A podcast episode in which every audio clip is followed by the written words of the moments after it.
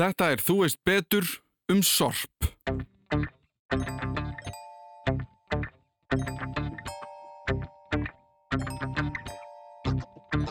betra að fá þetta bara hreint, það er auðvöldra bara fyrir okkur að vinna það, verðmættar og þannig sko. Plastið er að koma inn kannski svona að fullum krafti svona 60 blandaður úrgangur sem við setjum í, í sortununa það fer í gegnum hakkavel og pressur hvað á verða um þessi efni þegar við erum hægt að nota vöruna Nafnið á þætti dagsins er hugsanlega ekki fallegasta umfjöldunarefni sem við hefum átt við. Það er kannski ekki daglegum hugsunarring okkar allra að hugsum sorp, fyrirbæri sem er allt í kringum okkur og við eigum við dag hvern. Við hendum því í ruslið heima hjá okkur, svo út í tunnu og pælum ekki meira í því. En hvað svo? Hvert ferir allt? Hvað er gert við þetta? Og getum við gert bara það sem við viljum við allan úrgang sem kemur út frá heimilunum sem við rekum? Ég fekk til mín Gíðu Björstóttur frá Sorpu til að ræða þetta allt saman við mig en eins og áður byrju við á kynningu frá henni sjálfri. Ég heiti Gíða Björstóttir og starfa hjá Sorpu sem sérfræðingur sjálfbarni. Um, ég byrjaði nú að vinna fyrst hjá Sorpu held ég 98-99 kom þá bara stuttinn tímbundi til þess að leysa af fræðslumálum. Þá var ég nýbúin að vera í myndlist og hafði eitthvað einn svona mikið áhuga úrgangsmálum bara út frá svona nýtingu efna. Allt þetta sem að var að fara til spillis og hafði áhuga á að vita hvað er þau um og hvort ekki mætti nýta eitthvað að því betur. Eh, en síðan er ég núna búin að vera að vinna hjá Sorpu síðan 2015 sem þá sérfræðingur sjálfbarni. Þannig að ég kláraði umhverfsvæði þannig í, í meðlutíðin ekkert tíma.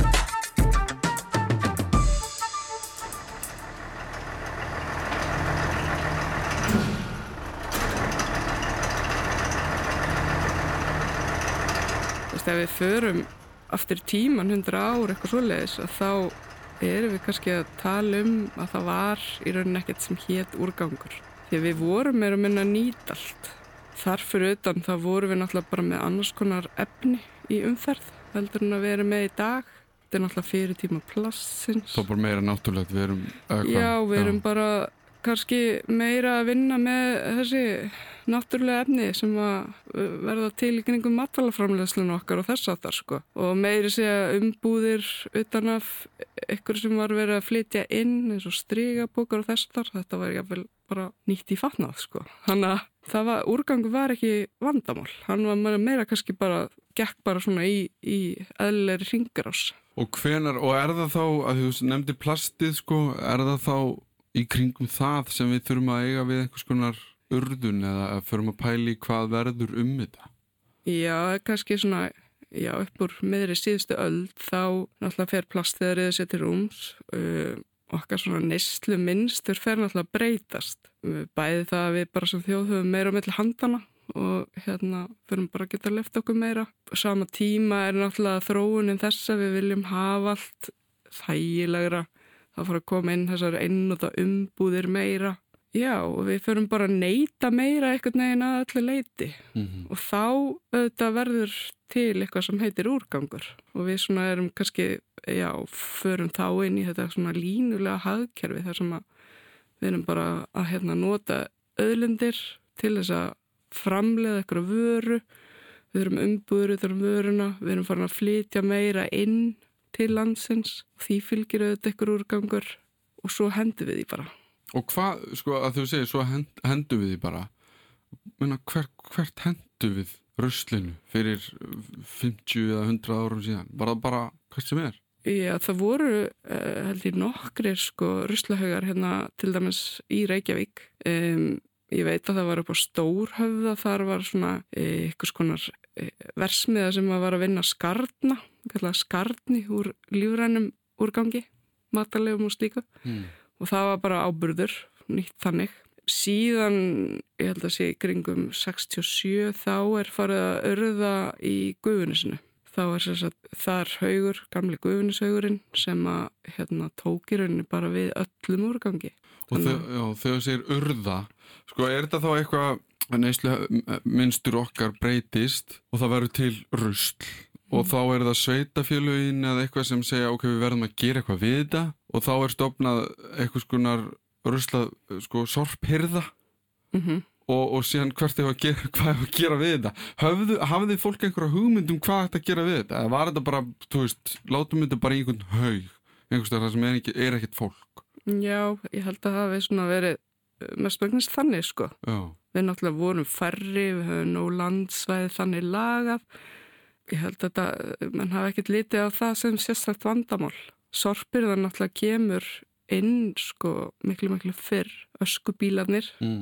voru að sækja öskuna í hérna, eða bílar, vagnar, Mm -hmm. vantarlega, Já, voru að sækja öskuna þegar fólk brendi náttúrulega bara ruslinu sínu í dunnunum heimi á sér, já en það fyrr. Já, þannig er, þess vegna heita er öskubílar Já, akkurat.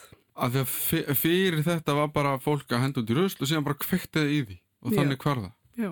einmitt sem var það Þess vegna hétt þetta öskuhaugar þess vegna hétt þetta öskuhaugur, já, auðvitað sem hætti svo þetta að vera réttnefni eins og með þarna haugnum í gufunessi til dæmis mm. þó ég held að það hafi meira sér verið eitthvað kveikt í rusli þar líka sko. Það sem að náttúrulega, þarna er náttúrulega plasti komið, það kemur um með að síðustu öld. Þarna eru menn að losa sig við spillefni, þú veist, ólju, afganga eða eitthvað þess að þar. Mm. Það hafi heilu bílræðin farið hana á hennan haug. Þá er þetta svona farið að verða vandamál því að leiðut farin að urða ykkur svona óaskili efni sem geta haft skadli áhrif á lífriki að þá eru þau náttúrulega farin að eiga greiða leiðut í umhverju bara með reggvatni. Þarna eru menn farin að sko átt að, á því að þeir, þetta kannski get ekki gengið svona og þá er í rauninni sveitafélagin hérna á höfuborgsvæðinu til dæmis sem að taka sér saman um að stopna sorpu og fyrsta verkefni sorpu uh, kringu 1990 er að taka á þessum spillefnamálum. Þannig að Mm. fyrsta skrifi var í rauninni að opna svona efnamótöku fyrir spillefni. En var þetta pínu að því þú segir 1990 og þú, við vorum að tala um aldamótin er eftir að plastik kemur Mm og við förum að, þú veist, þá náttúrulega verður til þetta eru 90 ára hann á milli. Já, plast, plastið er að koma inn kannski svona að fullin krafti svona 60, Já, ok. 50-60. En þetta er, uh, þú veist, þetta er sann tölvert langur tími af okkur að pínu svona bara að gera það sem við viljum. Og ekki pæli í hvað er hvað og, og hérna, þú veist, við bara, jörð, við bara gröfum þetta í jörðu og þú veist, þessi, þessi kannski pæling með einmitt bílhræ eða ólíu eða þetta, ég meina á einhverju tímfundi og ég er maður getur ekkert skammast út í fólk aftur í tíman, skilur, það vissi ekki betur. En þá hljótu að hafa bara verið að einmitt grafa einhver efni sem átti ekki að grafa og, og bara svona ekki átta okkur á því hvað við vorum að gera. Akkurat, ég held líka að það við spila náttúrulega mikið inn í að aðstæður hér eru bara allt öðruvísi heldur en til dæmis á meginlandi Evrópu. Þar býr fólk ón á grunnvatninu sínu. Þannig að þar var sko miklu meiri kvati til að erunni takast á við þessi vandamál vegna þess að mann voru einfallega bara að menga sitt eigi drikjavatn. Og svo framvegis. mm. Eh, Við búandi á þessu stóra landi og búandi meðfram ströndinni og, og allt þetta spilar inn í að þetta verður kannski ekki svona sínilagt vandamál hér. Einmitt. Þannig að við erum svo miklu, miklu færri náttúrulega með svo miklu meira landsvæði. Þannig að þetta er ekki svona aðkallandi vandamál. Við höfðum einhverja var. Auðin bara til þess að hendis út í. Raunverulega. Við vorum líka bara mjög fá, þú veist, við erum ekki meðnina endurvinnslu markaði hér, mm þú veist, við þurfum náttúrulega að senda allt út, þannig að þar með kostnaði mikill fyrir svona lítið samfélag, -hmm. sérstaklega á þessum tíma náttúrulega. Þannig að ég held að þetta hafi bara allt saman spilað inn í að, að við, já, sem samfélag kannski tökum ekki á þessu fyrir en hana í kringu 1990. Og síðan er það kannski þessi 30 ár sko, sem leiður okkur að nútímanum. Hvað er það svona sem að gerist á þeim tíma? Því það er svona, ég meina, er það ekki bara svona eins og með allt annað á þessum tíma? Það tekur þetta mikið stökk. Mm Jú, það er náttúrulega stærsta skrifið var þetta að byrja að safna spillefnunum og þessum svona mengandi úrgangi og koma honum í réttan farveg. Um, síðan er móttöku flokkunastöðin hjá Sorpu í Guðunissi opnuð hann að 1991 og sama tíma svona hérna, þróaðri urðunastæður í Álsnesi Mm. þar sem að er sko verið að leiða e, frá þetta vatn, frá haugnum í gegnum reynsið þró. Þar sem er verið að gera allar mögulega mælingar og, og hérna stýra þessu ferli í raun og veru. Og Já. þar er til dæmis einfallega bannað að- urða sko spillefni. Þannig að sangat lögum þá megum við þetta aldrei henda spillefni bara í tunna hjá okkur. Þannig að spillefni eiga ekki enda á urðunastað. Og spilli efni, að því við heyrum þetta orðaldi oft og ég hugsa bara um olíu Mhm. um, og ég veit eða ekki hvað meira, batteri Já, eða eitthvað svoleiðis. Er eitthvað annað spilli efni sem að venjuleg fjölskylda ætti að vera að nota og ekki henda í ruslið? ég, þetta er náttúrulega bara meir og minna allt þetta fljótandi sem að er Já. á heimilum okkar eins og til dæmis bara málingaleifar um, hreinsefni, svona sterk hreinsefni um, eitthvað sem að já, þú ert það að nota í, í tengslu við bílininn Mm -hmm. Þá alltaf bara að þú ert ekki að henda þessu beint í ruslið, heimilisruslið. Nei, einmitt. það er einfallega bara banna með lögum að gera það Já, er það? já, Það er verður að skila spillefnum í þar tilgerða móttöku og Eh, meðhendlun Það er frekar erfitt að fylgjast með því en, en ánæði með að það sé alltaf að banna með lögum. Já. Ég vissi það ekki. Það kannski leiður okkur svona að, já, eða hvað, viljum við fara í hvernig þetta breytist á þessum 30 árum? Hvað við, að því að ég skil það ekki alveg. Ég veit ekki alveg hvað við, hvað við förum að gera, að því að spillefni eru spillefni. mm Ég, ég Mm. veit ekki hvað gerir við spillefni, ég meina hvað gerir við bensín annað en að brenna það eða, mm Mhm. þú veist, eitthvað og þá bara gerir það einhver öðru sem hefur slæma áhrif á, -hmm. á, á lofslæðið okkar þú veist, hvað, hvernig eh, áttu okkur á þessu? Sko, það eru náttúrulega sérhæfðar versmiður sem að er að taka við e, spillefnum til meðendlunar og það er auðvitað bara mjög mismunandi eftir hvað efni við erum að tala um. Mm. Sum efni er e, til dæmis bara hægt að hlutleysa með því að e, blanda saman. Sko, þú ert kannski mest síru og svo ertu með basa og þú getur gert þetta hlutlaust. Já, bara efnafræðilega, þá ertu Já. bara að nulla það einhvern veginn út Já, sumt er þess að þar. Um, sumt er hægt bara að endurvinna og nýta aftur eins og leysefni það er gert við þau í einhverju leiti um, já, þú veist batteri er náttúrulega hægt að endurvinna einhverju leiti þannig að megnið að þessu fer í gegnum einhvers konar annarkvort eyðingaferil eða, eða endur nýtingarferil mm. sumt fer einfallega bara í brennslu sem er þess eðlis að það er bara hægt að nýta þessum orkugjafa. En megnið að þessu fer fram erlendis. Og í dag er til dæmis sorpa ekki við, við eina sem við gerum er að taka móti spillefnum frá íbúum og koma þeim til svona sérhæðs aðila sem að sér um flokkun og síðan að senda þetta. Þá veit ég allavega um eitt hlut sem ég lærði í þessum þætti að ég hafði ekki hugmynd um hvaðan orðin öskubílar og öskuhaugar komu en auðvitað þurfti fólk að gera eitthvað við rusli sitt fyrir á tíðum og þá var líklegast auðveldasta lausnin að brenna það bara. Plastið, uppfinning sem margir fögnuðu líklegast þegar hún kom fram, markaði svo kaplaskil í því hvernig við gátum átt við úrgangin af heimilinu. Allt í hennu var eitthvað komið sem var kannski ekki svo sniðut að brenna bara og ekki var það mold ef því var bara hent út. En hvernig er þetta í dag? Hvað er það sem við gerum við allt þetta rusl núna? Ef ég held bara áfram svolítið með söguna Mm að þá náttúrulega strax eftir að sorpa í rauninni opnar þess að móta ykkur flokkunastöð þá er farið svona að leita leiða til að koma meira af efni í einhvers konar endurnýtingu og það er rauninni mjög fljótlega að fara að flokka pappa og dagblöð þess þarf að senda til svíþjóður í endurvinnslu. Það er líka mjög fljótlega sem að fara að nota reynd timbur, þar sé að svona ómála timbur í afblendi versmiðinni sem að var á, og er á grundatanga e, bara sem kólefninskefa Mhm. og svo svona smám saman það bætast við fleiri og fleiri flok- flokkar mjög fljótlega til dæmis sem að starfsmenn sorpu einhvern veginn fannst erfitt að taka við mikið af sko heilum húsgögnum og það var einhvern veginn ekki farvegu fyrir það. Þannig að það er efna í kringu 93-4 sem er strax opnaði nýtjamarkaður.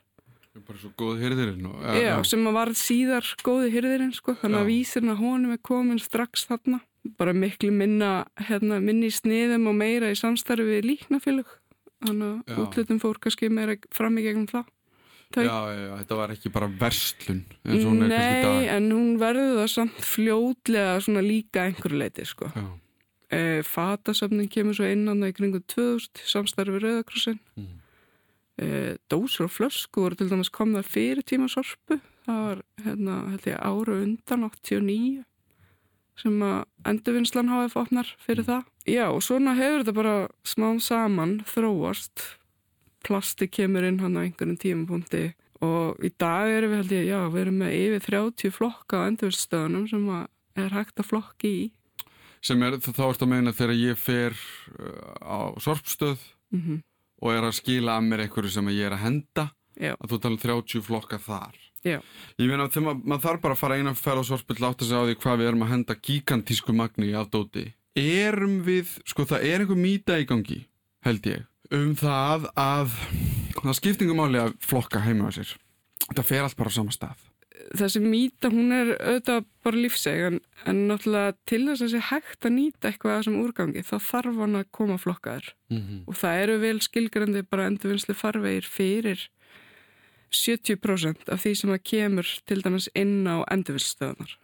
Það er það mikið Já, það er í rauninni bara sko, það sem að fer í gám 66 sem er svona pressanlegur úrgangu til urðunar Mm. það er eitthvað sem fer á urðunarstað og síðan þessi grófi úrgangur hann fer á urðunarstað e, flestir aðri flokkar inn á stöðunum að þeir eiga sér e, endurvinnslu eða endurnýtingarfarveg Já, og á hans sér stað hér heima eða er þetta mestmægnir sendt út? mm, að hluta til náttúrulega hér heima til dæmis hvað var það eins og það sem að fer í góða hyrðin Mm -hmm. það er auðvitað hérna innanlands uh, kertavaks hefur verið nýtt hérna innanlands bara í kertagerð. Uh, en plastið og pappirinn málmar flöskur og dósir það er að segja plastflöskunar og áldósinar þetta til dæmis fer allt erlendis í vinslu Af því að við höfum kannski bara ekkert bólmagni til þess að vera með svona stöðvar eða hvað. Nei, til dæmis sko, ef við tökum bara pappirinn og pappan sem dæmi Mm. að það þarfti alltaf eitthvað sko svona það sem við myndum kalla frumhráefni með. Það er að þú þarft, þú ert með hlu, þegar þú ert að búa til svona nýja vöru Mm. úr endrunnum pappir eða pappa að Mm. það þarf líka alltaf eitthvað nýju efni og til dæmis eins og í Svíþjóð þar sem við erum að, að hérna, þangar sem við flytjum okkar pappirsefni að þar eru þeir auðvitað með nýtjaskóa er að vinna efni við til pappirsframlislu þannig að fyrir þá er miklu betra að fá þessi endurvinnslu efni frá okkur og nýta inn í þá vinslu í staðan fyrir að við værum til dæmis með pappirsvinnslu hér þá þurftu við að flytja inn þau hráfni sem við ætlum að blanda sama við Já. endurvinnslu efni Einmitt. fyrir utan að við erum bara með afskaplega svona lítið hráfni í stóra samhenginu þannig að þetta er hagkvæmur að gera þetta svona Þannig að sko, en hvað með allt hitt? Heimilstæki og allt þetta, ég meina, er, er sorpa sko, mestmengnis kannski flokkunarstöð fyrir þessa hluti sem að hefur síðan, segja, samböndið eitthvað út í heim þar sem veit hvert hvað á að fara? Hva- erum við ennþá með til dæmis svona sorphauga? Eða er það Mm. alltaf minkandi? Sko við erum náttúrulega enn sem komið er með urðunarstað í Álsnesi Mm -hmm. og í kringum 50% af öllu sem kemur til sorpu sem er það bæði frá fyrirtækjum frá atvinnulífinu sem kemur beint á urðunarstaðin til dæmis frá atvinnulífinu en í kringum sem sagt 50% af því sem við fáum á heldina litið það fer í endurnýtingu með einhverjum hætti 50% í urðun Og urðun þýðir hvað? það þýðir uh, ferlið er þannig að, að til dæmis svona blandaður úrgangur sem við setjum í, í sorptununa. Uh, það fer í gegnum hakkavel og pressur hjá sorpu, Mm. hinga til hefur það gert það og farið bara sem bakkaður úrgangur síðan á urðunarstæðin þar sem honum er einfallega að stapla upp í grifjur og móka yfir. En við erum auðvitað á ákveðnum tímamótu núna því að við erum að hætta þessu. Við erum búin að vera að setja upp uh, svona uh, greiðlega öflugan flokkunabúnað í mótökstöðun okkar sem að allur heimils úrgangur, þessi blandaði úrgangur frá sorpurðinni, mun fara í gegnum þar sem að við erum að aðskilja lífran efni frá til dæmis plasti, málmum og öðru sem kann að leynast þannig í. Lífran í hlutin, hann Mm. fer svo í Gaia sem að er ný gas- og jargerastöð þar sem að við erum að, að fara að moltegeran og nýta e, orkuna sem verður til í þessu ferli í Mm. formi metans og metan er bara hérna, hægt að nýta sem eldsniti En sko, þú segir flokkunarvél. mm. flokkuna vel sko þetta þýðir samt ekki það að við ætlumst ekki til þess að fólk flokki almennilega það sem að Mm. sko við viljum fá pappír og pappa í blátunna og við viljum fá plastið þar til gerðan farveg og textil ætti til þess bara aldrei hendi tunnuna Mm. það ætti alltaf að flokka allan textil hvort sem hann er rifin eða slitin eða, eða hvað það er Bara tala um föt. tala um fötir, tala um hanglaðið sem er orðið ónýtt Já, já. um, þú veist, allt sem er bara vefnaðavara. Þetta viljum við fá í þann farveg því að þetta eru endurvinnslega efni Mm og hluta til náttúrulega hægt að endurnota. Þannig að flokkunin hún þarf eftir sem áður að vera góð en við þurfum samt sem áður alltaf að geta sko tryggt að við séum að, að senda sem mest af engungu lífrænum efnum Mhm. í gegnum þessa gas- og jærgeristöð og þessi flokkun og búnaður hann er í rauninni nöðsilegu bara til þess að tryggja að það sé sem minnst af einhverju öðru sem fer Mhm. í gegnum þann feril. E, sko, ég er svo mikið að pæla hvernig hún þessi flokkunarvél er. Þetta hlýtur að vera gríðalega stórt tæki. Já, sko þetta Það er svo mikið sorp sem kemur. Já, þetta samanstendur rauninni af 50 mismunandi tækjum Mm. þessi flokkun og búnaður. Það er náttúrulega... Sem skinjar bara hvað er að koma í gegn. Mm, það er svolítið mismunandi sko það er hérna í fyrsta lagi þá er sikti sem er einnig sikt á svona lausan lífrannan úrgang frá hérna því sem eru svona stærri hlutir Mm. þú veist í fastara formi og svo líka léttara efnum eins og pappir og, og plasti og þess að þar e, það, til að byrja með er náttúrulega póka opnari sko sem po, opnar alltaf þessa póka sem við setjum í sortunar okkar. E, síðan taka við málmskiljur sem er taka með segli Mhm. frá þá málma sem eru segulmagnanleir annar staðar í ferlinu er svo búnaður sem er ætlað til að taka þá málma sem eru ekki segulmagnanleir kallast Eddy Current og er svona, já, Er eitthvað rafmagnsteinn? já, Já. já. Ekki mig um að útskýra það nákvæmlega. ekki, ekki stress. Ég, ég, ég, hugsa, ok, þetta er komið eitthvað út fyrir hérna, þetta er orðið einhver eðlisfræði þá. já.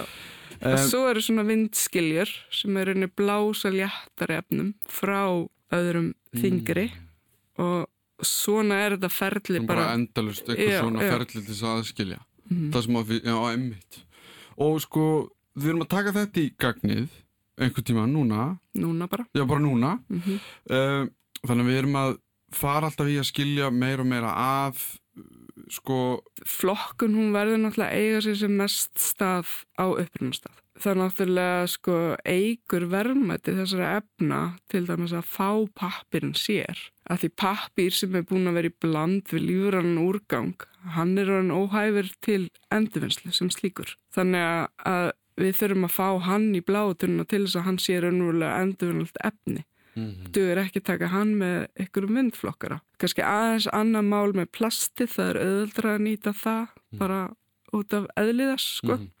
Þrýfi plast Það er hægt að þóða og, og það er hægt að flokka það vélrænt Mhm. eftir tegundum. Veist, það er hins vegar dýr. Það er betra að fá þetta bara hreint. Það er auðvöldra bara fyrir okkur að vinna það. Einmitt. Verðmætara þannig, sko. Þið kannski vissu það áður en það ætti að vera orðið nokkuð skýrt núna. Við verðum að flokka, það skiptir öllu máli. Og þessi mýta um eitthvað annað ætti að vera lögð til grafar eins og skot. En hvað með framtíðina? Erum við bara að halda áfram á þessari vegferð eða eru fleiri eða betri lausnir í sjónmáli? Framtíðin, hún er náttúrulega bara ekkert svo langt framundan. Hún er bara á næsta ári þá verður rauninni gjör breyting á hvernig við meðhandlum úrgang. Og það er með gæja, eða hvað? Nei. Það er með gæja, en það er líka með því að það á hætta að urða bæði lífrannan og brennanlegan úrgang. Við munum einfallega ekki lengur taka á móti blönduðum úrgangi í þeim mæli sem verið hefur. Um, þetta því náttúrulega kannski fyrst og fremst gagart fyrirtækjum að þau þurfa að flokka betur. Mm Að þú veist, við munum áfram taka hann heimilsúrgang þú veist, eins og hann er að koma það þarf samt að, að kannski vanda enn betur flokkunum á honum Já. en gagart fyrirtækjum sem að hafa raunverulega verið að skila í meira mæli blönduðum úrgangi með eins og pappir og með miklu magni af plasti Mm. og þá munu þau þurfa að flokka betur en framtíðin er þess að það að hætta að urða Mm. fyrst og fremst náttúrulega lífrann og brannlegan úrgang lífranni úrgangurinn, hann mun eiga þennan farvegi gegnum gas- og jargerastöðina og verður þá bara uh, næringarefni eða molta sem er hægt að nýta bara í uppgræslu lands og það er nú nú að landi hér sem að Mhm. þarnast næringarefna Alltaf í kringum 40% af landinu okkar sé sko rofið Já, já, einmitt. þannig að það er okkar stærsta umhverfisvandamál þannig að, e, já, og brennanlegur úrgangur sem að við viljum auðvitað fá sem besta flokkun á sem er þá þessi efni eins og plastið, pappirinn og, og margt fleira Mm.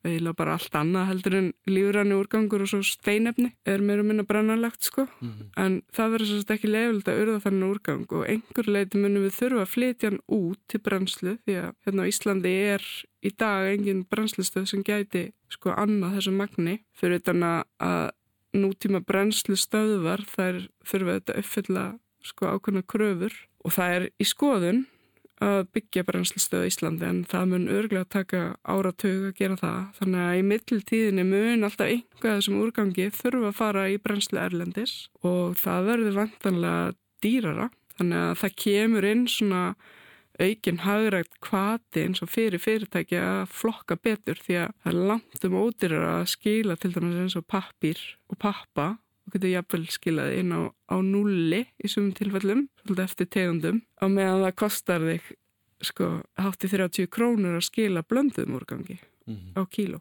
og það verður bara dýrara í framtíðinni Mhm. að skila blönduðum úrgangi En það er svo sem ekki það sem að við sem íbúar í landinu þurfum að pæla með mikið í eða hvað. Mm, Sko, verkefni íbúa eru þetta fyrst og fremst bara að skila kannski sem mest af lífrannum efnum og minnst af einhverju öðru í gegnum heimilsorpið.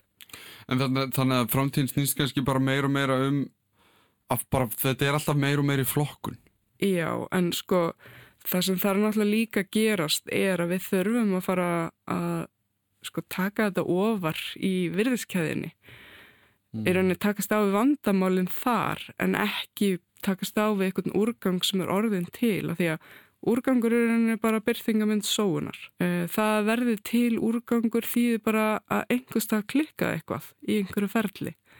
Þannig að þegar þú ert að hanna til dæmis vöru eða umbúð þér, hvernig sem það er, að þá hérna, þarf því rauninni strax í upphæðu hönnaferils að gera ráð fyrir hvað á að verða um þessi efni þegar við erum hægt að nota vöruna. Og það er það sem að hefur skort. Mm. Þess vegna verður til úrgangur. Við þurfum í rauninni svolítið að breyta því hvernig við erum að umgangast öðlindir. Við þurfum að gera vörur sem er auðveldra endurvinna. Við megum einfallega ekki halda áfram að setja til dæmis umbúður á markað sem er engin farvegur fyrir. Þannig að, að það er svona atrið sem að kannski verða stærstu breytingarnar. En þetta með því að hætta urða þá erum við í rauninni bara að segja svolítið stopp á þetta. Núna þurfum við bara að hugsa okkar gang og við þurfum að endur skoða hvernig við gerum hlutina. Og við þurfum að hanna út úrgang og mengun.